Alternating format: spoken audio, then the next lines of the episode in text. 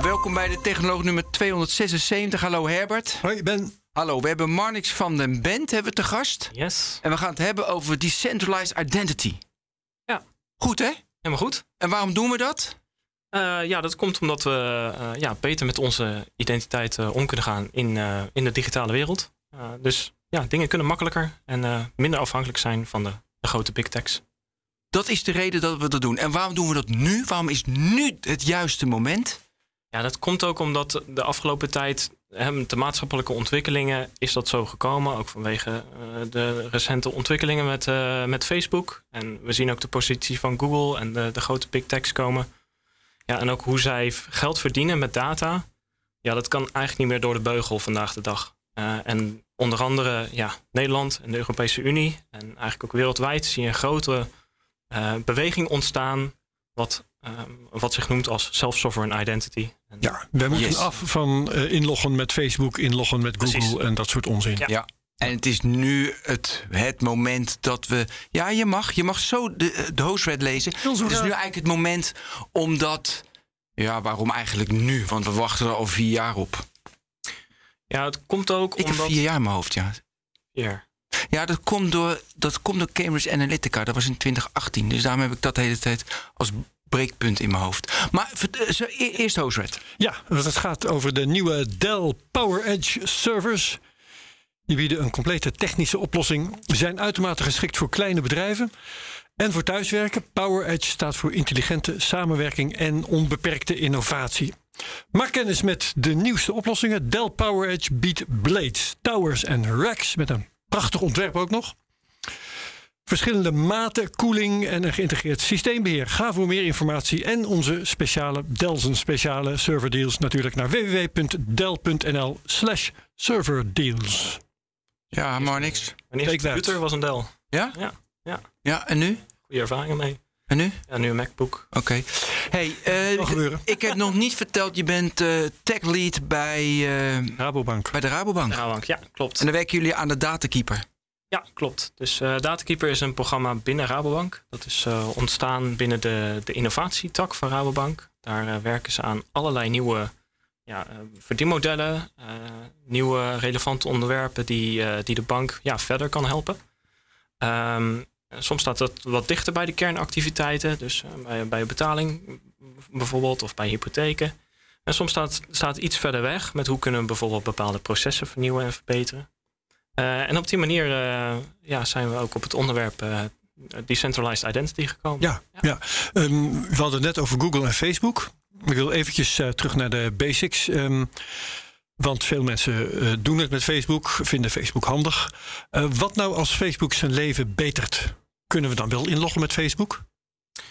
Ja, wat we eigenlijk zien is het echt het betaal, het verdienmodel van, van Facebook is echt gericht op het verzamelen van je informatie en die verkopen voor, voor advertentieruimte. Um, en dat is echt een, een fundamenteel andere denkwijze hoe, hoe dat we met digitale identiteit. Je zegt eigenlijk, ze kunnen hun leven niet beter. Dat, uh, dat, dat lijkt me zeer uh, een, een, enorme uitdaging voor, voor Facebook inderdaad. En ook voor de Googles die die, die persoonlijke gegevens echt daarop drijven en, en, dat nodig hebben. Ja. En we moeten dus dat gedachtegoed omdraaien naar de, de burger. De, de mens staat centraal en het mens hoort, um, uh, hoort controle te hebben over zijn eigen gegevens en beheer. Ja, ik wil even Apple aanhalen.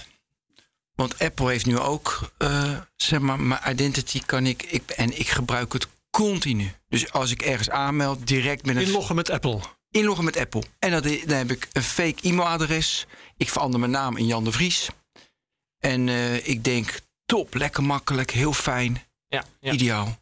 Ja, wat we uh, eigenlijk ook zien is. Momenteel hebben we heel veel um, silo's, informatiesilo's. Dus als je inlogt bij, bij, een, bij, een website, dan heb je daar een account, moet je een account voor registreren. En zo hebben wij allemaal password managers en Apple die ook voor jouzelf uh, willekeurige accounts gaat beheren.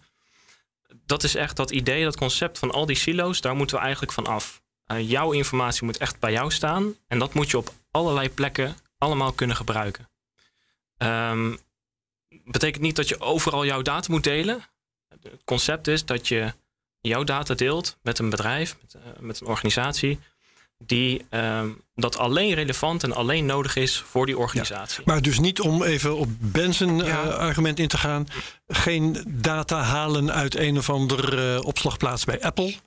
Het moet Precies. data zijn die bij jou resideren. Ja, ja, Ja. klopt. En we moeten eigenlijk af van al die losse accounts, al die losse, losse items. Ehm, en we moeten terug naar een, een core identiteit wat op jouw telefoon staat. Ja. En die, die kan je opnieuw hergebruiken. Maar nou zegt, kijk, eh, ik had net het voorbeeld van Facebook. Dan zeg jij terecht, eh, Facebook, eh, ja, die zitten zo vast aan dat, Mm.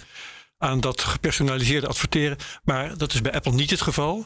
En dan eh, zegt Ben, ik spreek maar even voor Ben. Dank je. Ehm, eh, die data resideren toevallig eh, niet bij mijzelf, maar wel bij Apple. En ik vertrouw Apple compleet. En ehm, het is alleen maar bij Apple, want ik gebruik eigenlijk alleen maar dat, zeg ik even gemakshalve Ja, voor Ben. Dus wat zou daar mis mee kunnen zijn? Ja, het, mm, als je al jouw gegevens bij Apple hebt staan en je Apple daarmee toevertrouwt, ja, dan, dan Moet jij weten. ja, dat, dat, is, dat is inderdaad. eh, hè, Zeggen wij tegen Nou, wil. nee, maar ik, Maar- ko- ik kom er ook op, hè, want ik heb die eh, de laatste app die ik gedownload heb, en dat is vandaag geweest, is de Datakeeper, jouw app, waar jij va- va- verantwoordelijk voor bent. En wij hebben even tussendoor, wij hebben natuurlijk Irma gehad op 18 december met Bart Jacobs 2018. Dus toen hebben we het erover Oh, gehad. lang geleden, ja. Lang geleden. Ja.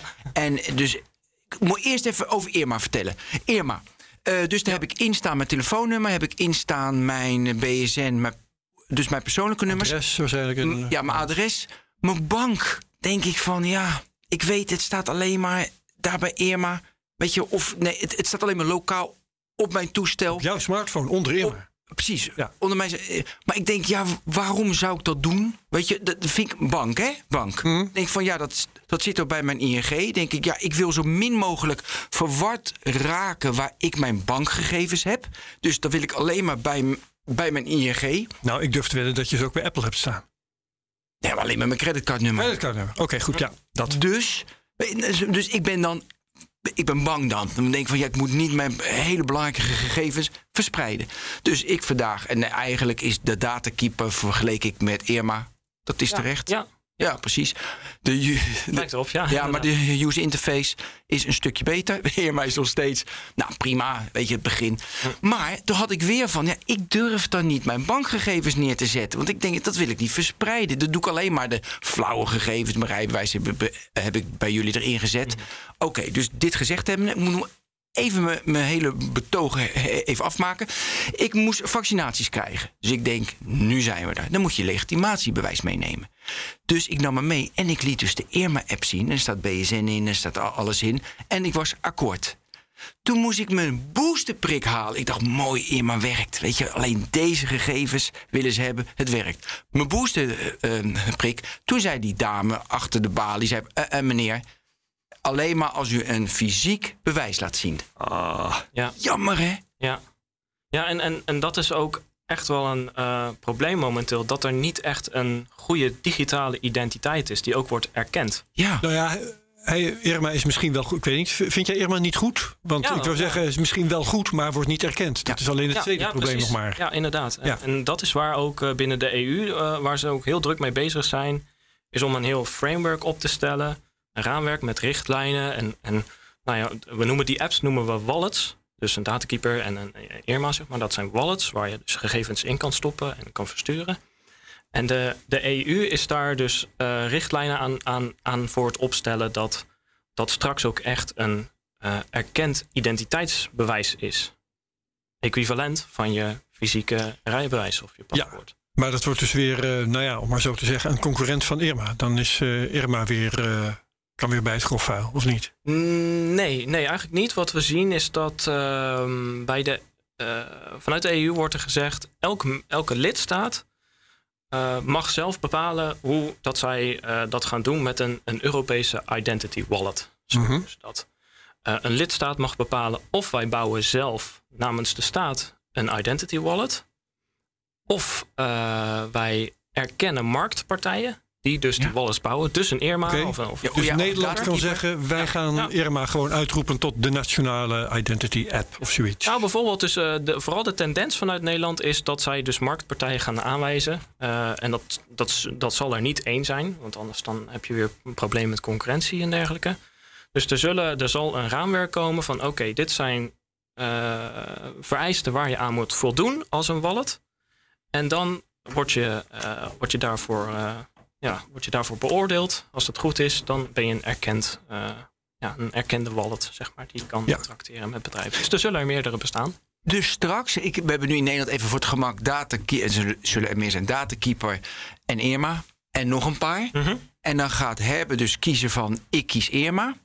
En dat is dan erkend. En dan kan ik Europees, kan ik dus inderdaad mijn rijbewijs of mijn identiteitsbewijs laten zien. Ja, ja dus uh, hoe zo'n wallet is ingericht, als dat voldoet aan de standaarden en aan de richtlijnen, dan uh, is het mogelijk om daarin jouw, jouw digitale identiteitsbewijs te laden. En dat is ook um, uh, erkend binnen de hele EU. Dus je kan uh, cross-border, zoals ze dat noemen, kan je dus je informatie uitwisselen over het internet. En wat voor type eisen stellen ze? Dus wat staat daarin? Ja, dat is nu nog een probleem, want dat, dat framework is nog in ontwikkeling. Welke elementen bevat het nu in dat framework? Uh, waar ze vooral naar kijken is een identity wallet moet aan de hoogste eisen voldoen. En dat, is, dat heeft vooral te maken met de EIDAS-wetgeving. Daar komt dan ook een nieuwe revisie op. Uh, EIDAS. En de, de, um, de EIDAS-wetgeving is een Europese wetgeving waarbij je uh, ja, online, elektronisch een ID ja, kan, kan vormen en daarmee kan interacteren met, met bedrijven ook. Um, en uh, onder dat EIDAS-stelsel uh, zijn er bijvoorbeeld eisen ge, uh, gesteld van hoe kan ik authenticeren bij een overheidspartij. Als we nu bijvoorbeeld kijken naar DigiD. Ja. Um, hè, dan zijn er bepaalde levels in, laag, substantieel of hoog. en aan die eisen, als je bijvoorbeeld op heel hoog niveau kan, kan authenticeren, dan kan je dus op heel betrouwbaar niveau kan je bepaalde handelingen uitvoeren. Um, uh, en dat is wat ze dus daar ook in instellen. Dat je op het hoogste niveau moet kunnen authenticeren bij bedrijven of bij publieke organisaties. Dus we zien straks niet alleen de DigiD-knop, maar straks ook Datakeeper en de andere wallets. Wat is straks het idee? Dus die, wet, die wetgeving die wordt ook opengebroken. Waarom ja. zit het niet achter mijn DigiD? Nou, weet je waarom? Ik vind namelijk bij mijn.overheid.nl, mm -hmm. als ik daar inlog met mijn DigiD, nou, er staat echt veel informatie over mij. Ja. denk ik, nou, fijn, heb ik het bij elkaar en ik, ik, ik vertrouw dat het allemaal secure is. Weet je, hartstikke goed. Mm -hmm. Maar eigenlijk zou je het ook op die manier kunnen doen. En dat ik dan bijvoorbeeld voor mijn boosterprik haal ik de informatie, haal ik mijn BSN-nummer eruit. Ja. Nu heb je dan weer plekken en mijn overheid.nl. En dan ook weer ja, en nog tallen, uh, tallen andere bronnen waar je dus al die informatie, waar al die informatie staat. En het idee van zo'n wallet is dat die gegevens kan je allemaal naar je wallet toe halen. Ja, ja precies, dat zei je. En uh, die gegevens worden ook op een dergelijke manier opgeslagen dat je ook heel goed dataminimalisatie kan toepassen.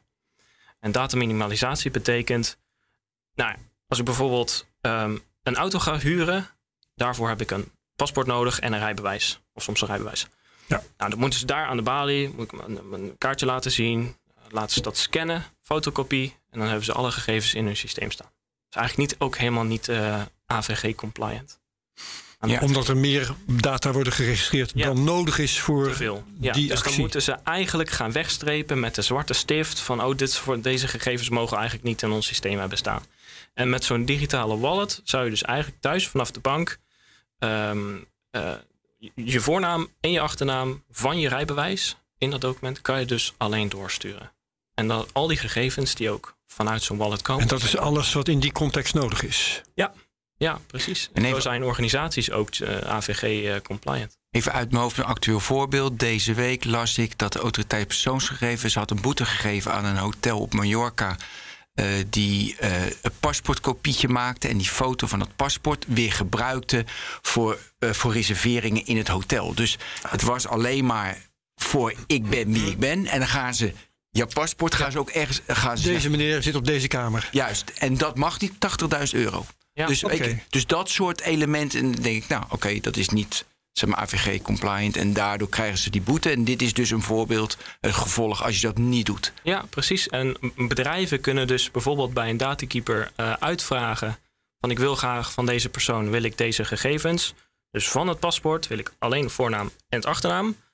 Ehm, en uh, ik geef ook aan in die app, dit is mijn doelbinding. Dus hiervoor ga ik het gebruiken. En dat wordt ook heel, weer gegeven in de app. En wordt dan uh, de data die worden overgenomen, worden die automatisch geselecteerd aan de hand van de toepassing? Of moet ik zelf van achter mijn knoppen uh, aanstrepen van deze gegevens ga ik nu overdragen? Uh, het gaat in principe automatisch, want elk bedrijf heeft een ander bedrijfsproces met andere gegevens. Maar geef eens een voorbeeld, want in de praktijk kom ik. ik ik doe ERMA, weet je, dus ik, mm -hmm. mooi, dan kan ik dat doen. Maar ja, ik wil het zelf gebruiken, maar ik kan nooit kan ik het ergens kwijt. Ja, nou, een voorbeeld is, wat nu ook al in productie staat, is een uh, autoverhuurbedrijf. Ja, wat ik eigenlijk net heb uh, verteld. Uh, ze hebben drie vestigingen in, in Nederland, waarbij ze Datakeeper gebruiken om eigenlijk gemakkelijker die gegevens te ontvangen.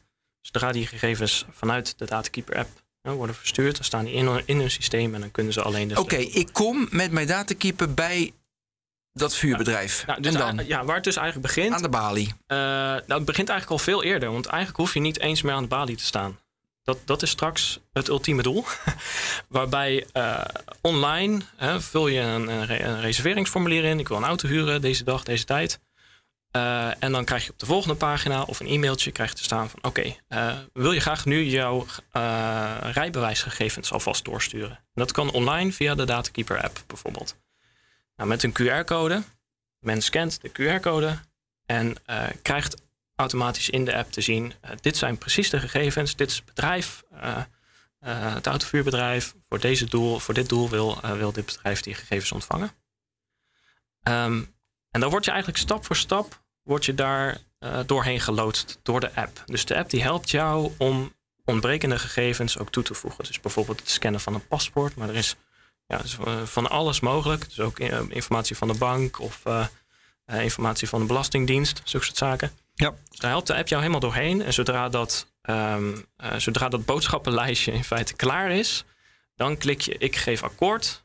En je ziet ook heel duidelijk welke gegevens precies worden verzonden. En dan wordt het doorgestuurd. Ja, maar dan moet je dus aan de vraagkant, dat vuurbedrijf, moet je dus heel Nederland nou, heel de wereld, heel, heel Europa, moet dat de standaard worden?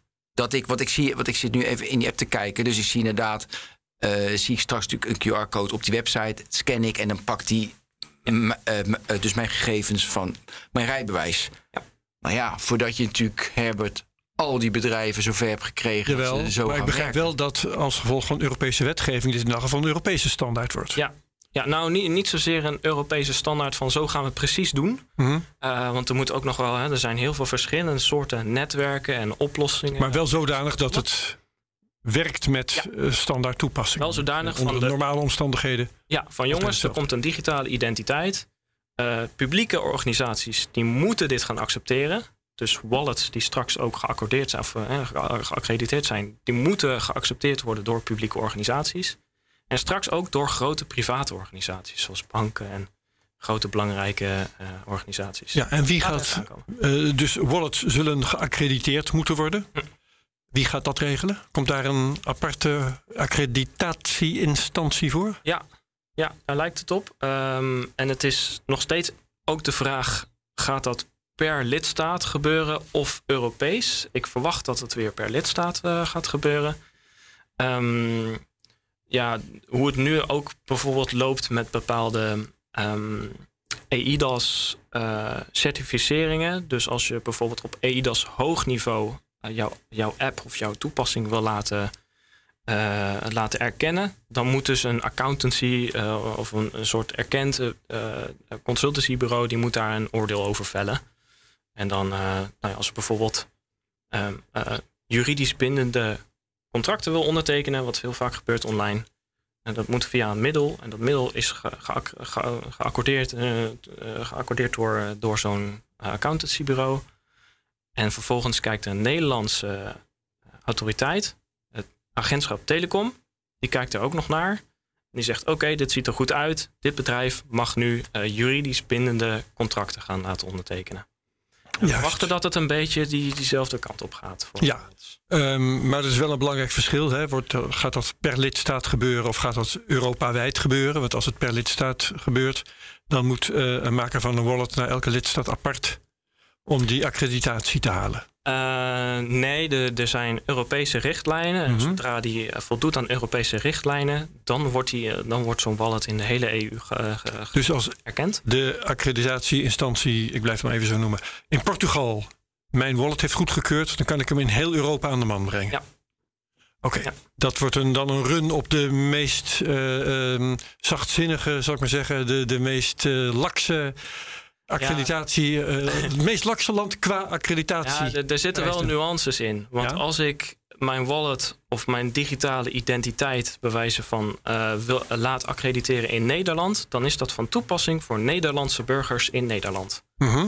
En als ik eh, een Nederlands burger ben en ik wil eh, zaken doen in een, in een, een overheids, met een overheidspartij in het buitenland, Ja. binnen het EU, dan kan ik dus dat goedgekeurde Nederlandse middel gebruiken in, in België, in, nou ja, maar. Maar het is Ah, alleen voor. Nederlandse burgers. Oké, precies. Dus Belgische burgers moeten sowieso een wallet hebben die door de Belgische instantie is goedgekeurd enzovoort. Ja. ja, dat begrijp ik. Dus ik kan niet Mooi. met een Belgische app, wat in België is toe- eh, toegestaan, kan ik in Nederland eh, zaken doen, want ik ben Nederlands. Helder.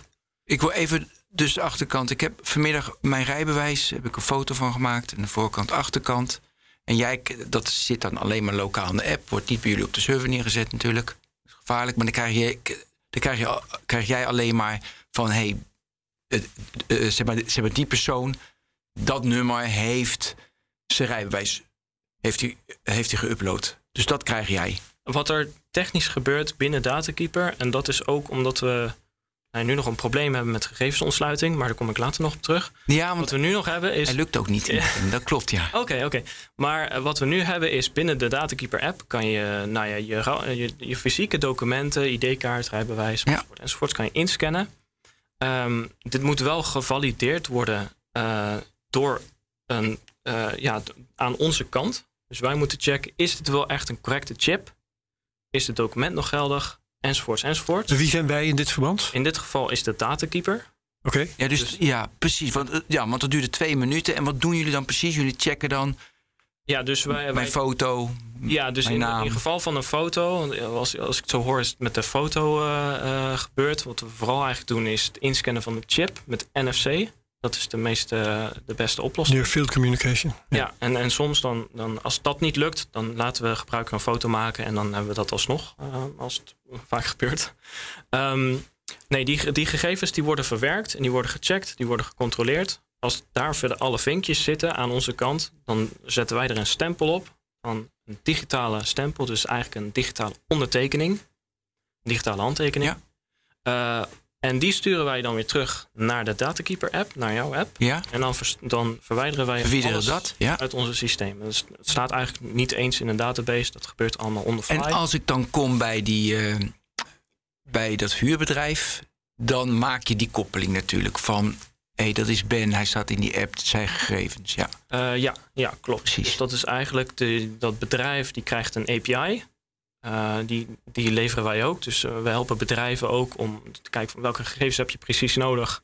En is dat ook wel echt zo? Want heel veel bedrijven vragen eigenlijk onbewust te veel informatie. Hm. Eh, dus we helpen ze daar ook bij. En we Of geven, bewust. Ja, we geven ze daar ook instructies. Van, nou Mhm. Zo kan je die API gebruiken. En die API vanuit die systemen, daarmee kan je dus heel makkelijk praten direct met de Datakeeper app. Daar zit de Datakeeper organisatie niet tussen.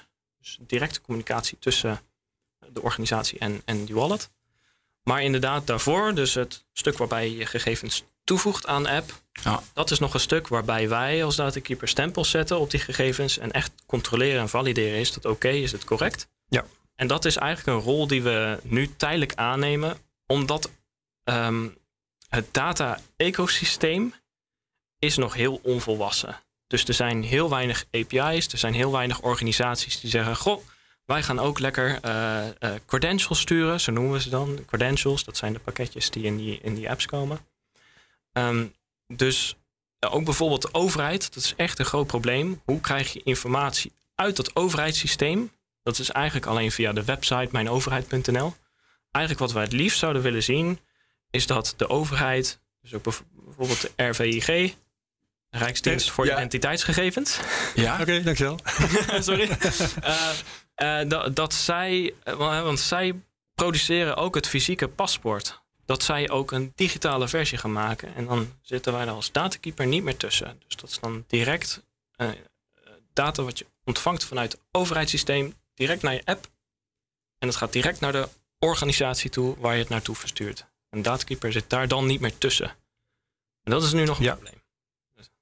Daar is nog geen ontsluiting. Ja, ik, blijf, ik blijf het toch erg lastig vinden dat ik mijn data op verschillende. dat ik het moet gaan vertrouwen aan een centraal iets. Ik vind ook wel een lekker gevoel dat mijn bankgegevens daar staan en mijn, uh, en mijn paspoort daar. Spreiding heeft ook wat. Ja, dat, die spreiding vind ik ook wel prettig eigenlijk. Maar goed, daar moet ik vanaf. Ik, want ik luister, ik, dat is prima. Ja, nee, maar eh, je, je verliest ook een beetje controle en idee van waar heb ik nou mijn gegevens achtergelaten. Want je hebt al die gegevens die staan nog steeds bij al die partijen. Ja, joh, maar, een keer iets doorgestuurd. Kijk, normale mensen hebben alleen maar fake accounts voor alles. En die hebben een paar dingen die belangrijk zijn. Nee, normale mensen hebben dat helemaal niet. dat adviseer ik nu. Oh. Alleen maar Jan de Vries. Iedereen moet Jan de Vries eten. Precies. Het is een goede ja. hoor, die Jan de Vries. maar nee, dus, dus daar moet ik nog aan wennen, maar dat komt wel. Ja, maar uh, ook als je zo'n wallet gebruikt, zie je ook een complete historie van welke gegevens heb ik op welk moment verstuurd naar zo'n oh, mooi. Mm, dat is Lekker. Dat is heel fijn. Want je, ja. later wat ik ook in de toekomst voorzie is dat je via zo'n app uh, ook automatisch een, een gegevensverwijderverzoek kan versturen. Dus dat je gelijk dat is ook op je app... Wauw. Ja, dat is dat echt prettig. Zijn. Het recht om vergeten te worden. Want ik had er van de week ook eentje, denk ik, van ja, dan stuur ik nu mijn gegevens daar naartoe. Die, moet, dan, ja. ja. en die moet gewoon, weet je, dat moesten mijn echte gegevens zijn. Die moeten gewoon weg daarna. Ja, ja en dat, zou tof zijn als dat via je appje, via een klik kan, uh, dat het kan gebeuren. Ja, ja snap ik.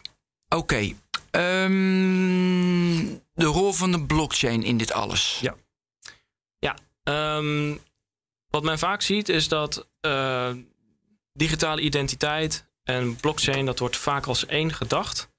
Dat hoeft helemaal niet zo. Um, wij draaien momenteel ook niet op een blockchain. Uh, en je kan digitale identiteit ook best zonder blockchain gaan implementeren, gaan bouwen. maar blockchain heeft wel wat prettige karakteristieken die ervoor zorgt dat jouw data ook echt bij jou blijft. Um, Mag ik heel even onderbreken wat je zegt, wij draaien nu niet ook op een blockchain. Dat triggert mij van wat staat er dan bij jullie op de server? Dat zijn dus alleen maar referenties naar mijn app. Uh, nee, er staat eigenlijk niks op onze server. Dat kan niet. Dus alles, ja, we weten. Oh, omdat dat natuurlijk bij die. Uh, want het staat bij dat vuurbedrijf. Ja. ja. Dus het vuurbedrijf die ontvangt die gegevens. Ja, jullie hebben helemaal niks. Ja, precies. Oké, ga door. Ja. Um, dus uh, blockchain is heel prettig om te gebruiken als je bijvoorbeeld revocatie wil doen. Dus het intrekken van gegevens. Uh, als je bijvoorbeeld een duo bent of een andere partij die gegevens uitgeeft naar zo'n persoon, kan het wel zijn dat er iets mis is gegaan. Uh, of in geval van je rijbewijs, nou, je hebt iets, uh, iets fouts gedaan en je rijbewijs wordt ingetrokken dat is heel belangrijk, dat, uh, dat zo'n karakteristiek, dat je dat ook real-time kan doen met deze technologie. En dat kan je ook, dat kan je ook op een blockchain plaatsen. En als je een blockchain daarvoor gebruikt, als een soort register van dit is wel ingetrokken en dit is niet ingetrokken, dit is wel ingetrokken. Uh, met ID's, met nummertjes die helemaal nergens op slaan. Want nogmaals, sla geen persoonlijke gegevens op op een blockchain. Uh, Want het blijft altijd beschikbaar. Precies, ja. ja ja, je kan het niet verwijderen. Dus alleen die referenties staan daarop. En een, een uitgevende uh, organisatie kan bepalen: ik, ik, moet op dit moment een gegeven uh, of een, een, een, document moet ik intrekken. En het uh, fijne van een blockchain daarvan is. Dat blockchain is een neutraal soort van platform. Dat is een neutrale zone in het internet, als ik maar zo, zo maar zeggen. Waar uh, waar men heel weinig op kan beïnvloeden. Dus als we kijken naar statelijke actoren die censuur willen, uh, willen plegen of DDoS aanvallen. Nou, het, is, het is een lastig netwerk om ja. offline te krijgen. Ja. Dus Oké. Ja, als ik dat even mag navertellen in mijn eigen woorden. Uh, het handige van een blockchain ten opzichte van een service, dat je een, een, uh, of een database moet ik, kan ik beter zeggen. Hè? Ja. Uh, een database, die kun je DDoS'en, die kun je hacken. Daar kan uh, een of andere partij, zoals een, een land, kan zin hebben om die leeg te halen of daar gegevens in te veranderen. En dat is allemaal in een blockchain veel moeilijker. Dat is ja. eigenlijk wat je zegt. Ja, ja. en ja. Met, die, met dat intrekken van die gegevens um, zorg je er ook voor dat de ontvangende organisatie die die gegevens ontvangt, die moet uh, ook allerlei checks doen. Van klopt die gegevens die ik heb ontvangen van de wallet? En zijn die gegevens nog actueel? Zijn die niet ingetrokken? En bij een traditioneel systeem ga je dan contact leggen met de uitgevende partij. Dus direct een soort van API-verbinding of, of, in ieder geval een, belletje van... hey joh, is dit diploma, uh, Duo, uh, is dit diploma nog actueel of niet? Nou, dat, dat wil eigenlijk niet, want dan weet Duo waar ik aan solliciteren ben.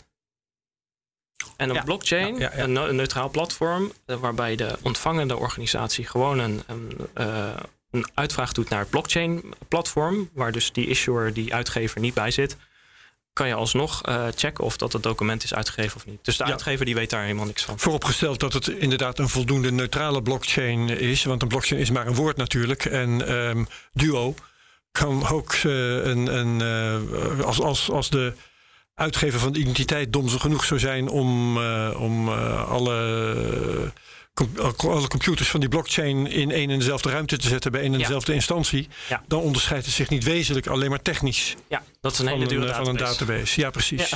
Ja. Dus uh, als je blockchain zou gebruiken voor een systeem voor identiteit, um, waar zou je dan voor kiezen? Heb jij daar een mening over? Uh, er zijn eigenlijk vele en het is lastig om uh, nu te zeggen van we gaan daarvoor. Want we zien vooral veel netwerken met veel uh, unique selling points. Ja, want het kan een bestaande zijn. Maar je kunt ook een nieuwe, als die maar inderdaad aan voldoende eisen um, voldoet. Qua mate van hoe die gede gedecentraliseerd is. Ja, ja precies. Ja. ja. Nou, wat we vooral zien is in Europa, weer in Europa. Daar zijn ze ook bezig met een infrastructuur genaamd EPSI. De European Blockchain Infrastructure. Um, en uh, services infrastructure, sorry.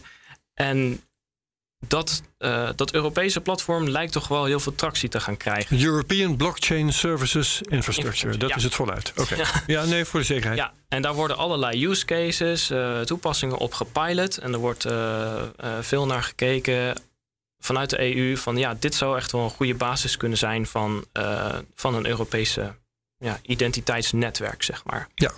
En op zo'n blockchain zou je ook dus het gaat niet alleen over het intrekken van gegevens, maar je zou er ook kunnen aangeven van welke, ehm, welke organisaties mogen bepalen, bepaalde informatie uitgeven. En als we dan hebben bijvoorbeeld het uitgeven van een, COVID-testresultaat of, of, een vaccinatie, dan kan je in de, in de blockchain kan je een soort van structuur opzetten waarbij je nou ja, bijvoorbeeld de, het RIVM aanwijst. Jij bent een accrediterende organisatie. En in de blockchain mag jij andere uh, adressen van andere uitgevers. Dus elke uitgever heeft een adres. En die, die mag jij aanwijzen als RIVM. Dus bijvoorbeeld een GGD Utrecht of een GGD dit en dat. Oost. Ja. En op de blockchain zou je ook zo'n. Zo het zou mij helpen als je, als je de flow nog een keer vertelt. Dus uh, ik heb de gegevens van mijn rijbewijs heb ik in mijn toestel. Mm -hmm. Die, ik ga naar, die, uh, naar dat vuurbedrijf. Die heb, dus die maakt de connectie. Ja. Oké, dus die flow is duidelijk. Jullie hebben niks meer. Waar komt dan de blockchain in die flow? Ja, de, de blockchain komt uh, eigenlijk helemaal aan het einde. Waarbij je de gegevens als gebruiker verstuurt naar, de, de naar het vuurbedrijf. Die het ontvangt, het vuurbedrijf. Ja. Het vuurbedrijf checkt dan vervolgens, klopt de cryptografische integriteit van het datapakketje, klopt, eh, klopt alles. Uh, en ze gaan ook nog checken op de blockchain, is dit document uitgegeven door de juiste uitgever? Want dat, daar staat een register op van dit zijn uitgevers die een paspoort mogen uitgeven, bijvoorbeeld. Maar wie doet, maar wie doet dat nu dan? Want jullie werken niet met de blockchain. Uh, momenteel geven wij die gegevens uit Precies. de datakeeper. En ook de, de klantenorganisaties die wij adviseren, uh, zeggen we ook van. Jo, dit is gevinkt, dit klopt. Precies, wij hebben hier een proces staan waarbij we die gegevens checken en controleren. Omdat de overheid dat nog niet op. Uh, dat is nog niet klaar. Uh, dus wij, wij hebben dit proces in place. Dit is ons adres. Dus wij zijn de uitgever. Ehm, en daarmee. Maar dat zou je dus ook inderdaad, inderdaad kunnen verifiëren. Ja, in de blockchain. Ja, en nu momenteel is, is het nog een, een, vooral een datakeeper systeem. wat uiteindelijk veel, ja, veel groter moet gaan worden. Met heel veel uitgevers. Maar ja, momenteel zonder blockchain kunnen we ook de, de, de organisatie direct aangeven van joh, dit is het adres van ons. Dit kan je uh, uh, whitelisten, bij wijze van spreken. Hè? Dit kan je vertrouwen. Um, en, en zodoende wordt die check eigenlijk al gedaan met wat in de gegevens zelf staat. Dus in de gegevens ja. zelf staat al dus die, die digitale stempel. Er staat ook ons adres onder. Uh, en dat is ook al zo geconfigureerd dat dat vertrouwd wordt. Ja, ja. Dat is natuurlijk niet houdbaar. Want als je dat heel groot en schaalbaar wil gaan maken, dan heb je dus een soort register nodig van accrediterende partijen en die dat dan allemaal onderling gaan aanpassen. Ja, maar dan kom ik op de noodzaak om dat in de blockchain te zetten of juist niet. Weet je, dus de Ja. voor- en nadelen. Ja. Dus wat zijn de afwegingen? Ja, dat, dat zou je dus in een blockchain kunnen zetten. Het zou ook gewoon centraal op een Ja. server staan. Ja.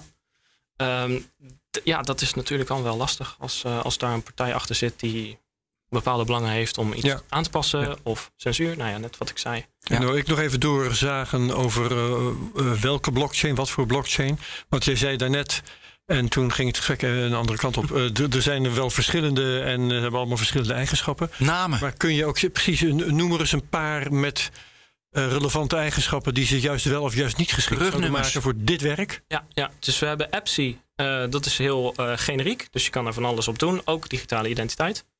We hebben Sovereign. En Sovereign is een eh, netwerk, een protocol... wat heel specifiek op digitale identiteit is. Ehm, eh, dus die blockchain en die transacties... is heel specifiek op wat je daar kan doen. Dus dat is niet een general purpose, een, een algemeen iets. Mhm. Ehm, en dan heb je de... ehm, eh, ja, eigenlijk wat de... de Sovereign is dat S-O-V-R-Y-N? Eh, met een I. S-O-V-R-I-N. Oké, eh, zijn- eh, oké. er is ook Sovereign met E-I-G-N. Sovereign Coin staat hier zelfs. Maar dat is dan weer iets anders. Dat is denk ik iets anders. Ja, ja. Nou ja, Oké. dat, want wat, wat men ook vaak zegt is... eh, we hebben het over self-sovereign... eh self-sovereign En identity. Ja. Ja. Dat is dat je er zelf de baas over bent. Ja, dat is echt het gedachtegoed. Je bent zelf, dat is wel ook een radicaal gedachtegoed. Je bent zelf in controle van je eigen gegevens. Ja. Alles staat alleen op je telefoon. En je mag delen. eh, je, je hebt alle controle over wat je deelt. Want je noemt nu niet de namen van eh, bekende protocollen eh, die ik op eh, CoinMarketCap en zo kan vinden. Je noemt, je noemt geen Bitcoin Nee. of Ethereum, of Solana of Nee, het- Cardano. Nou, eh, het, het kan dat partijen een digitale identiteit implementeren op zo'n blockchain. Dus Mhm. op Ethereum of op Bitcoin. Ehm, maar wat we vaak zien is dat er toch wel eh, hele specifieke, specifieke eh, protocollen daarvoor zijn. Dus ja, je moet eigenlijk een protocol hebben dat daar speciaal op is toegesneden. ja, ja. En er zit ook geen cryptocurrency achter.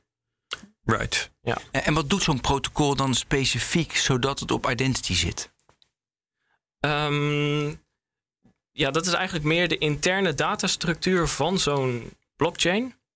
Eh, bij Ethereum kun je allerlei smart contracts maken. Je hebt heel generieke, je kan alles bouwen Ja. wat je wil. Het zorgt er ook voor dat je heel veel attack vectors hebt. Mm. Je kan heel- op verschillende manieren kan je bugs exploiten enzovoorts. Ehm, als, als je kijkt naar Sovereign, dat is wel heel specifiek. En dat is, mm, je kan echt alleen maar een paar operaties doen Oké, ja. die heel specifiek daarvoor zijn. Met andere dat woorden, ook heel snel. Ook, ook een beetje te vergelijken met, eh, met eh, nou ja, andere apparaatjes die je kunt hebben. Hoe minder het kan, hoe minder er misbruikt kan worden. Precies. Ja, Ja. En hoe sneller het werkt. En hoe sneller het werkt. Ja. Ja, dat is duidelijk. Kan ik even tussendoor vragen? Want jij zegt, we moeten we zelf het ownership van je data krijgen. En dat zijn we allemaal mee eens. Klopt, klopt, klopt. Maar er zijn heel veel mensen die, eh, die moet je echt niet. Maak er daar een puinhoop van. Daar moet je niet de verantwoordelijkheid over data geven. Dat moet je echt niet doen. Ja, en, en dat is wel heel lastig ook met de term self-sovereign identity. Waarbij je echt radicaal je eigen baas bent over je eigen gegevens. En we zien in de praktijk dat dat toch wel heel lastig is om mensen totale verantwoordelijkheid te geven over hun eigen informatie wat op die app staat. Want als je je telefoon kwijtraakt, bijvoorbeeld, wat Ja. gebeurt er dan? Goeie, ja. Of eh, als iemand je telefoon heeft gestolen, Overigens is dat vast wel dicht te timmeren, maar daar weet jij waarschijnlijk nog meer van dan wij. Ja, ja precies. Nee, dus, Nou, ik wil het wel weten. Dat- Ja, ik ook. ja, dus, dus dat zijn wel lastige dingen waarbij je toch in zo'n heel, eh, in zo'n hele oplossing van zo'n wallet toch soms wel wat centrale punten eh, zou kan, eh, kunnen neerzetten. Dus bijvoorbeeld een backup service. Ja. Die ergens staat. Nou ja, die gegevens die dan op zo'n backup eh, server staan, die zijn wel allemaal versleuteld. Dus je kan daar dan zelf niet in gaan kijken. Maar ik ken mensen die nu al bang worden. Zo, ja, Ja? dat is link backup. Ja, nee, dat is te gevaarlijk, kan gehackt worden. Dan krijg je dat soort eh, dingen weer. We hebben ze hier in de studio gehad. Ja, dat snap ik goed. Ja, nee, Ja. zeker. Ja, dus daar, daar moet je ook zelf voor kiezen. Van als ik mijn telefoon kwijtraak, accepteer ik dan dat risico dat ik dan al mijn gegevens weer opnieuw moet inladen. Ah, zo, het wordt een optie. Om, eh, Ja, je kunt ervoor kiezen om dat een optie te maken. Ik neem aan dat dat ook weer in de procedure zit van hoe gaan we dat precies handen en voeten geven. Ja, ja, en dat, ja, nogmaals, ja, in, in het EU-framework zou het best kunnen zijn dat het echt wel weer een vereiste moet zijn. Hm. Dat weten we ook nog niet helemaal zeker. Ja, ja, ja, ja. Eh, Allemaal nog in de works. ja, en aan de andere kant hebben we de functie om je wallet te kunnen wipen vanaf op afstand. Mhm. dat is ook weer eigenlijk een centraal, centraal componentje wat ervoor moet zorgen nou ja, dat jij daar toegang tot hebt en dat je dan jouw wallet op afstand kan wipen. Daar, zijn, daar is ook vraag naar, ook vanuit de EU bijvoorbeeld. Eh, dus ja, dat, dat, dat, is, dat zijn de, de technische uitdagingen die, die momenteel ook, eh, ook spelen om dat goed, eh, goed in te richten. Dat is wel heel... Dus heel self-sovereign is, is heel moeilijk. Dan, dat is wel echt voor de techies. Zou dat heel fantastisch Nou, zijn? het is wel interessant dat dat dus het ideaalbeeld is. Terwijl er natuurlijk heel veel praktische problemen komen. Ja. En dan kan je ook vragen, waarom is dat het ideaalbeeld? Ja, Ja. Want het heeft ook dus nadelen. Ja, zeker. Ja, en dat, en dat is denk ik wel waar we in de maatschappij ook wel meer over leren. Mhm. Ja, dit, Hey, is het alleen maar omdat, weet je, gevaarlijk, de surveillance, weet je, capitalism, eh, Facebook, Google, die gebruiken je data? Of zit er ook iets meer van convenience bij? Zijn er nog meer redenen?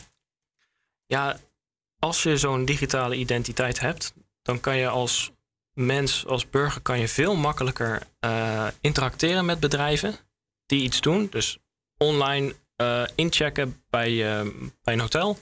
Hm. Of nou ja, de autoverhuurbedrijf. Maar wat we bijvoorbeeld ook hebben is het aanvragen eh, van een sociale huurwoning. Dat is een heel een beetje een edge case, zeg maar. Maar dat zijn wel echt de processen die heel intensief zijn met heel veel bakken papierwerk. Die ook niet altijd even di- digitaal werken. En dat zijn echte processen die je met zo'n digitale wallet veel makkelijker kan maken. Waardoor je, want die kandidaten, daar hebben we een aantal pilots mee gedaan met die, eh, eh, met die woningcorporaties. En de kandidaten die een eh, sociale huurwoning aanvragen, die ervaren heel veel stress. Omdat je binnen drie dagen al je documenten, je hele papierwinkel moet je op orde hebben. Ja. Anders dan heb je het risico dat je te laat bent. En als je dan een app hebt die de gegevens eigenlijk stap voor stap eh, met jou eh, je handje vasthoudt en, en je helpt om, om, om je gegevens op te halen en te versturen. Ja, dat is wel echt een enorme verlichting. Ik wil zeggen, dat lijkt me noodzakelijk Ja. ongeveer. Ja. Ja. Dus en dat is ook voor de woningcorporaties eh, een, ja, een enorme versnelling van het proces. Omdat al die gegevens die aangeleverd worden, daar zitten die stempels al op. Dus je hoeft niet allemaal fraudecontroles te doen en te checken of dat, dat papiertje, dat pdfje wat je hebt ontvangen, of dat het wel klopt of niet. Dus het hele proces zeg maar, van, van burger tot aan organisatie gaat een stuk sneller ehm, als je werkt met die gestructureerde, Mhm. vooraf gestructureerde en bestempelde informatie. He- heeft de Europese Unie ook nog een deadline voor zichzelf gesteld? Of is dit een tienjaren plan? Dat is, eh, dat is een goede vraag. Eh, Ze hebben de ambities om het uit mijn hoofd in 2024 à 2025, om dat eigenlijk al klaar te hebben. Waarbij alle lidstaten zulke wallets hebben staan. Ehm, nou is het ook eh, berichten vanuit de overheid. Ja, dat, eh, dat is waarschijnlijk niet haalbaar. Dat is niet realistisch, maar ze zijn wel heel erg optimistisch. Van we willen wel binnen een paar jaar dat hele framework klaar hebben staan. Ja. En ook ehm, eh, vanaf eh, Q1 2023 ongeveer komt de EU ook al met een, zoals ze noemen, een reference implementation. Dus eigenlijk een voorbeeld Oké. implementatie van zo'n EU-wallet. Die, vol, die moet voldoen aan al die eh, eh, eh, checks, checklists in, in, in, in dat voorstel van de EU. Ja. Ja. En, en ehm, even om, om mijn, mijn geheugen nog op te frissen, om, om het even helder te krijgen. eh, hoe ver is dat ontwerp nu al op dit moment? Wat, wat ligt daar nu al van vast en wat niet? Er, is, Want er is een ontwerp. er, er is een ontwerp. Eh, heel kort geleden ook uitgegeven. Dus een architectuurontwerp, hoe zo'n wallet eruit zou kunnen zien. Ehm, Komt in de show notes. Vinden mensen fantastisch om Ja. te zien. ja, zeker, zeker. Je wordt helemaal blij ervan, zie je. Dat, is wel, dat is wel fijn. Ja, ja, ik ben er nog niet helemaal Wat, doorheen. wat, maar dat wat is wel, ligt eh, daar dan al van vast? Ehm, er staan een, eh, wat requirements in. Ja, ik, ik moet er nog, nog echt even met de, met de goede bril Oké. doorheen. Eh, maar er staan requirements in, bijvoorbeeld, je moet offline data kunnen delen. Dus je moet als, als burger niet Ja. altijd afhankelijk moeten zijn van internet. Dat is interessant. En dat is ook alweer een hele Antwoord alvast één vraag. Ja, nou inderdaad. Ja, ja, ja. Nou ja, als het eenmaal, eenmaal alle gegevens in je mobieltje staan, dan ben je al een heel end. Ja, dan, ja dan, dan zou je dat moeten kunnen gebruiken. Dus het gaat voornamelijk over het authenticeren. Dus niet echt het compleet data delen van je rijbewijs of, of zulke soort zaken. Echt het authenticeren bij offline of online diensten. Om daar toegang te krijgen. Ehm, dus dat is een van de requirements. Wat ze vooral, wat ze verder ook noemen. Ja, je bedoelt de QR-code hoef je niet online te zijn om je QR-code Ja. te laten scannen. Ja. Dat is een voorbeeld. Precies. Als je bijvoorbeeld bij een festival naar binnen wil. Ja. En je staat daar in de rij en je moet je QR-code laten zien. En je hebt geen internet. Dat zou moeten werken. Ja, ja, ja. Maar blockchain of niet, eh, zit daar nog niet in of wel? Eh, dat kan. Maar dat is echt nog niet vastgesteld. Nee, precies. En daar wordt ook niet, niet van uitgegaan. Oké. Eh, dus blockchain is een van de oplossingen, of een van de componenten die je in zo'n EU-wallet zou kunnen gebruiken. Ja. Ehm, maar dat is echt nog niet, eh staat niet vast. Nou, nog eventjes een, een hele grote stap terug. Want ehm, als ik me voor de geest probeer te halen, wat moet er allemaal werken? Wil dit werken? Hè? Dan ehm, zeg jij net zelf, eh, er, het moet kunnen werken zonder internet. Op mijn lijstje stond ja, internet moet werken. Nou, dat is dus blijkbaar niet zo. Maar nou, er moet wel stroom zijn in ieder geval. Hè? Want eh, aan de kant van de club waar ik mij probeer te identificeren, daar moet apparatuur werken. Eh, bij mij moet mijn mobieltje moet werken, de accu moet vol zijn. eh nou, belt te goed zal ik nou niet zeggen, maar ehm, even kijken. wat hadden we ook weer nog meer? Ja, dus dat, nou, de, een, een, een functionerende server zal er toch ergens eh, moeten zijn. Eh, weliswaar niet aan mijn kant, maar misschien wel aan de andere kant. Ehm, kortom, je, je bent afhankelijk van redelijk wat infrastructuur. Hm, ja, Ja. Willen we dat? ja dat, dat is. ehm, ja, dat is, eh, dat is een goede vraag. Willen we 4G dat? moet werken misschien? 5G? waar, eh, waar wel wordt over gesproken is dat er geen. dat, dat de gebruiker hoeft geen internet te hebben. Mhm. Maar de ontvangende partij, dus de partij die die gegevens eh, ontvangt scant. Ja, precies. Die moet, die, die moet wel wa- hoogstwaarschijnlijk wel een Ja. online verbinding hebben. Ja. Eh, anders dan weet je niet zeker of dat, dat document twee minuten geleden is ingetrokken door de, door de overheid. Of eh Ja. wijze van Ja, spreken. ja, ja, ja. Dus er is best wel een afhankelijkheid aan, eh, ja, aan, aan infrastructuur en aan, aan connectiviteit. Ik, ik vind niet dat een digitale identiteit verplicht moet worden. Mhm. Ja, want dan krijgen we het hele met de hele QR-code scannen, Europees, iedereen met vrijheid en met privacy. Dus Ja, die invloed daarop. Dus leg uit, niet verplicht. ja, ja, eh, wat we ook in de praktijk eh, eh, eigenlijk doen met, met organisaties die we spreken, is je moet altijd nog een offline, bij wijze van spreken, papieren proces nog hebben. Ja. Voor de Voor oude mensen en zo, Ja, ja. Voor, ja inderdaad, precies. Dus, ehm, en ook voor de, voor de mensen die dat gewoon niet willen doen. Ja. Eh, dus dat, dat is eh, een belangrijk onderdeel. Zo'n digitale identiteit moet eigenlijk niet, eh, niet verplicht zijn. Het, Ja. het helpt enorm. Hoe heeft de, hoe heeft de coronapas geholpen om je, je identiteit, je- om dit voor elkaar te om, om het verder te brengen, om te boosten? Ehm, ik denk dat mensen nu iets meer gewend zijn aan hoe het werkt met de QR-codes. Er is ook wel een heleboel argwaan ontstaan eh met Ja. het idee. En dat is iets waar we, eh, ja, waar we met z'n allen eh, ja, de maatschappij over moeten informeren. Vind jij die argwaan terecht?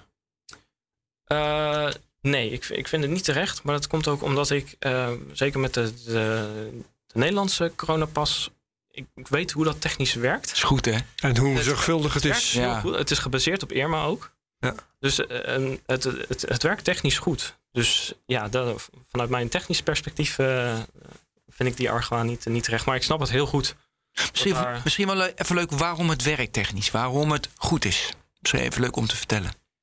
Dat hebben we lang geleden gedaan ik in, eh, in de technoloog, maar dat is wel...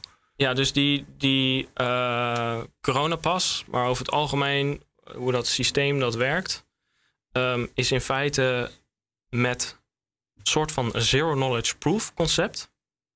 En zero knowledge proof betekent dat je bewijst dat je iets weet, zonder dat je die gegevens of die informatie laat zien. Dus het standaard voorbeeld, ik eh, koop drank en ik bewijs dat ik ouder ben dan, wat is het ook weer, 18 of 21 of zo, 18 geloof ik, eh, zonder dat ik mijn leeftijd verklap. Ja. Dat kun je op die manier doen. Ja, precies. En, en, en dat is hoe, eh, hoe, die, hoe die onderliggende techniek eh, is, is geïmplementeerd met, nou ja, met CL-signatures. Hoe, hoe dat specifiek werkt, weet ik niet. Maar dat is eigenlijk een, ja, een, een protocol, een, een soort digitale handtekening... waarbij je dus zero knowledge proof kan bewijzen... ja, ik heb die vaccinatie. Ik heb die vaccinatie. Ja. Ja. Ik heb een rijbewijs en wat er verderop staat gaat je niet aan. Ja. Ja. En dat is ook bijvoorbeeld wat we hebben toegepast bij een van die, die woningcorporatie eh, eh, use cases, waarbij ehm, eh, kandidaten moeten kunnen bewijzen dat ze onder de 40.000 euro per jaar verdienen, Oh ja. bijvoorbeeld. Nou, dat hebben we ook met zo'n zo'n woningcorporatie gedaan. Ehm, en waarbij je eigenlijk de gebruiker alleen een vinkje verstuurt van ja, ik verdien onder de 40.000 euro per jaar of, of niet. Ehm, en dat was echt heel erg goed ont, eh, bevallen, maar dat betekent ook aan de andere kant, die woningcorporatie die mag dat eigenlijk niet accepteren.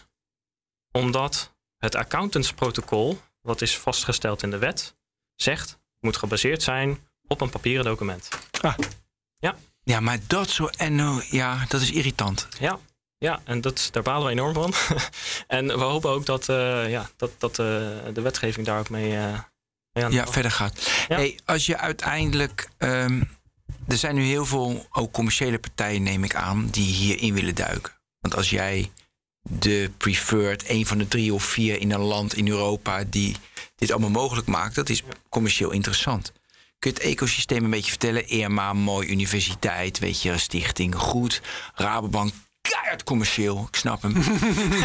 Kun je dat ecosysteem een beetje vertellen?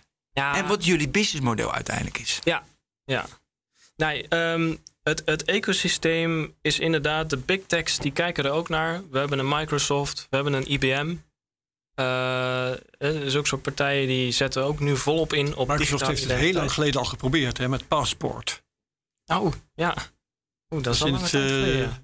In de tijd van eh, het monopolie, zeg maar, de monopolieprocessen en dergelijke. Eh, onder Steve Ballmer was eh, Microsoft Ja. redelijk actief. Facebook is het uiteindelijk gelukt. Wat Microsoft toen probeerde. Ja, Goed, en, dat ja en Google is gelukt en Apple is Ja, ja, gelukt. ja. Dus Ja, dus de, de grote big techs, eh, maar ook in de, in de HR-industrie, eh, een groot platform Workday bijvoorbeeld. Zij zijn ook bezig met credentials, het kunnen uitgeven van die, van die eh, datapakketjes. Ehm, dus het ecosysteem begint enorm groot te worden met grote partijen die daarin willen stappen. Ehm, en ja, maar het gaat er juist om dat ik. Dus dan moet Ja. ik Microsoft vertrouwen precies. dat ik mijn data zelf beheer. Ja, en, en, en Hmm. dat is ook een keuze die je als, eh, als persoon eh, heel duidelijk moet gaan maken. Het zou dus kunnen zijn dat de Nederlandse overheid Microsoft approved van ik kan dus voor Microsoft kiezen dat ik mijn data kan beheren Dat kan. met de technologie van Microsoft. Ja, als het voldoet aan de richtlijnen, dan kan dat. Ja. En dat betekent wel dat dat kader, dat richtlijnkader, moet heel specifiek en heel, heel strikt worden ingericht. Eh, Bepaalde requirements, denk bijvoorbeeld aan, je mag helemaal geen analytics toepassen in je app. Helemaal nul. Ah, Dat zijn bijvoorbeeld eh, requirements. wat is er geraadpleegd? Eh, voor, voor wie en zo? Ja, ja, ja. ja. Dus dat, dat moet echt. Eh, vaak? Ja, en, en eh, wat betreft businessmodel, ehm, ja, wij hebben marktonderzoek gedaan met partners om te kijken van, nou, hè, hoe, hoe ziet het er precies uit? Ook met het delen van data aan organisaties. En we hebben gezien dat die organisaties die zijn bereid ervoor om te betalen. Ehm, dat zij dus die gevalideerde gegevens kunnen ontvangen in een gestructureerde manier. Dus het is echt het stuk voor bedrijven, voor organisaties van. Dus dat verhuurbedrijf, de autoverhuurbedrijf, Mhm, ja, die wil betalen gewoon subscription, want dat is fijn, dan krijgen we precies. Dat is goede data. Garandeerd goede Ja. ja. ja. keiharde fraudebestrijding is dat. Ja, ze besparen, besparen daar heel veel geld mee. Uh, maar ook bijvoorbeeld bij het, uh, het aanvragen van een hypotheek of, of andere hele intensieve processen, als dat wat makkelijker geautomatiseerd ja, dat inkomen meteen duidelijk is bijvoorbeeld. Ja, dan, dan, zijn, dan kunnen daar enorme besparingen worden. Tijdbesparingen. Gigantisch. Ja. Dus dit is echt een miljardenbusiness. Ja, zeker. Ja. 50 miljard wereldwijd over de komende paar jaar. Ja. Kijk. En welke visie? Dus er zijn zeker ook veel start-ups nu die daarmee bezig Want Herbert, jij stuurde onwijs interessant een link van het Tik, Tikken. Dat was een partij. Hm? Ja. Taiken heet het. Ja. Taiken. Heel, dus, dus die bieden ook gewoon in SaaS bieden ze aan. Ik heb nog een week. Ja. Gewoon ja, nul. Precies. Ja, en, en die organisatie is wel een interessant verhaal daarachter. Zij uh, zijn eerst begonnen met het, uh, met het concept van vluchtelingen. Die, die hebben helemaal geen documenten, zeg maar. Ja. ja. Um, dus zij wouden graag voor hun een oplossing. Hoe trek je die uit het moeras? Ja. Van geen gegevens over jezelf hebben. Precies, ja. Dus zij, van, vanuit die insteek wouden zij dus zo'n zo'n app gaan, ja. Eh, gaan bouwen. Overigens um, helpt dan een digitale identiteit volgens mij niet. Dat was toevallig net de vraag die ik daarover had. Want ja, eh, de, de gegevens die je niet hebt, zoals wat heeft deze persoon gestudeerd, om maar eens een dwarsstraat te noemen. Ja, die vind je niet door uh, het opeens allemaal digitaal te maken. Want digitaal gebrekkige gegevens is nog steeds gebrekkige gegevens. Ja, het is wel een trigger om in die landen, om in die gebieden daarover na te denken. En daar waren zij mee bezig. Ja, om als het in te richten. Als in een dergelijk land die gegevens al digitaal bestaan. Maar ja, dan veronderstel je natuurlijk een, uh, een infrastructuur opnieuw die er uh, juist per definitie haast niet is. Hè. Landen waarin dat soort moeilijkheden optreden, dat de vluchtelingen, die zijn meestal technologisch niet vooroplopend. Maar wat biedt Taiken dan precies aan? Um, biedt een, uh, een API aan waarbij bedrijven en organisaties kunnen, uh, gegevens kunnen uitgeven, maar ook gegevens kunnen ontvangen. Um, en dat gaat via hun platform met hun wallet. Um, en, en, ja, dat is dus eigenlijk dat ontsluiten en het groter maken van het data-ecosysteem. Ja, en heb je ook partijen die dan, dat zit heel erg ook weer in de surveillance, dat ze cameradata van gezichten, weet je, die bemoeien zich er ook mee, want het is ook identiteit. Mm -hmm. die, die, dus die zag ik ook in het ecosysteem rondfladderen. Ja, want als je binnen jouw identity app uh, een identiteit moet gaan vaststellen, en sommige bedrijven die vragen daarvoor van ik wil echt een persoon, ik wil echt een identiteit ontvangen in mijn systeem van een persoon die ook echt op dat moment daar was. Mm met, met, de app in de hand en, en dat heeft gedaan. Uh, want je kan bij wijze van spreken wel nog steeds je paspoort inscannen, maar dan je telefoon aan iemand anders geven. Of uh, je paspoort kwijtraken, dat iemand anders hem inscant, bij wijze van spreken.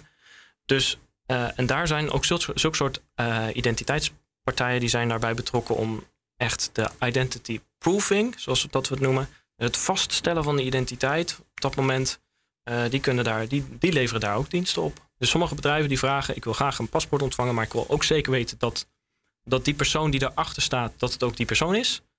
En dan hebben we, dan hebben we het over een liveness check.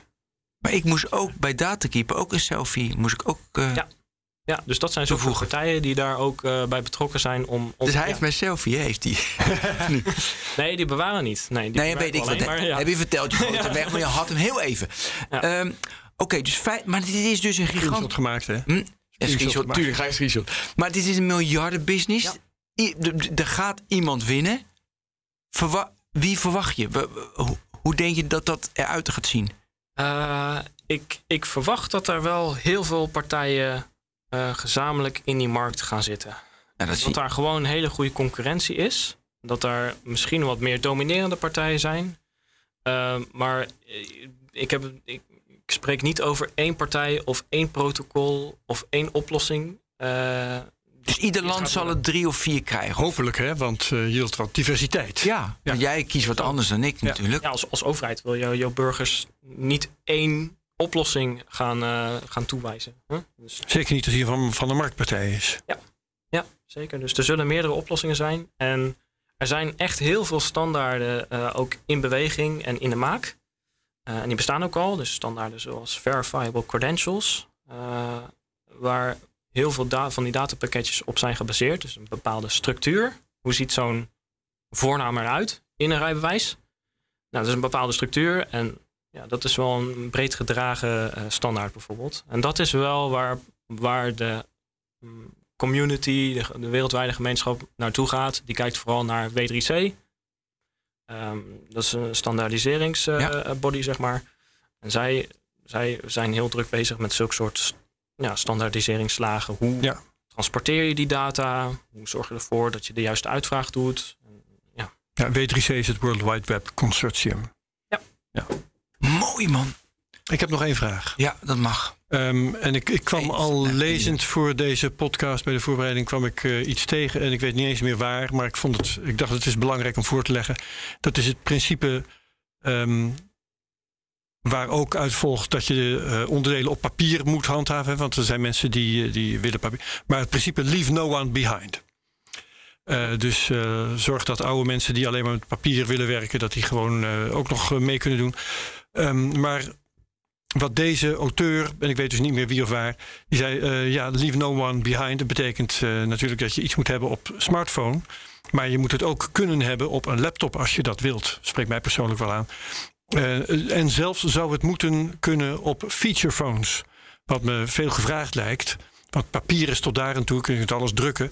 Uh, smartphone en laptop is goed, daar kun je ook alles mee. Maar feature phone, dat is nou net volgens mij waar je in dit verband het minste mee kan. Hmm. Hoe uh, sta jij tegenover dat principe en wat denk je dat, dat we kunnen uh, realiseren? Ja, dat, dat is moeilijk te zeggen als je echt het, het principe wil uitwerken van controle en eigenaarschap over je eigen gegevens. -hmm. Want zo'n feature phone heeft bijvoorbeeld geen uh, uh, secure enclave of ja. secure hardware, waarbij je veilige gegevens kan opslaan. Uh, minder geheugen, uh, minder ja. sterke software, noem maar op. Maar ja, is, is, de veronderstelling, er zijn mensen die hebben wel zo'n telefoon en niet een smartphone, enzovoorts. Ja, als we het daar heel specifiek over hebben, dat zou je misschien met, met sms-diensten kunnen doen. Ja, of, ja. Wat bijvoorbeeld in de ja, in die, in die gebieden ziet. Ja, maar rea meer realistisch zou je misschien toch gaan zeggen: uh, jongens, uh, smartphone is goed, laptop is goed. Uh, als je denkt dat het kan op een featurephone, jongens, kies dan maar voor papier.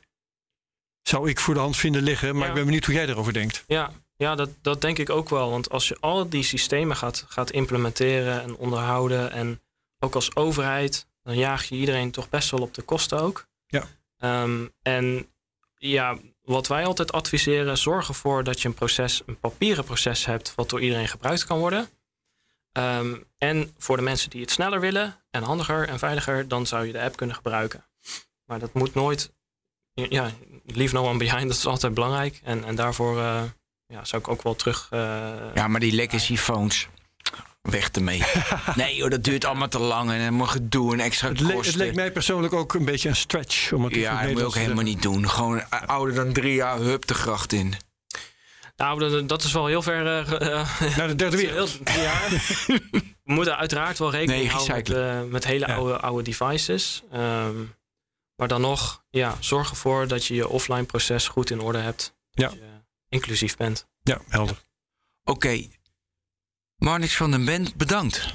Graag gedaan. We hebben, het was boeiend, interessant. Ja. Top. Herbert, bedankt. Ben ook bedankt. Dit was de Technoloog nummer 276. Tot de volgende Technoloog. Hoi.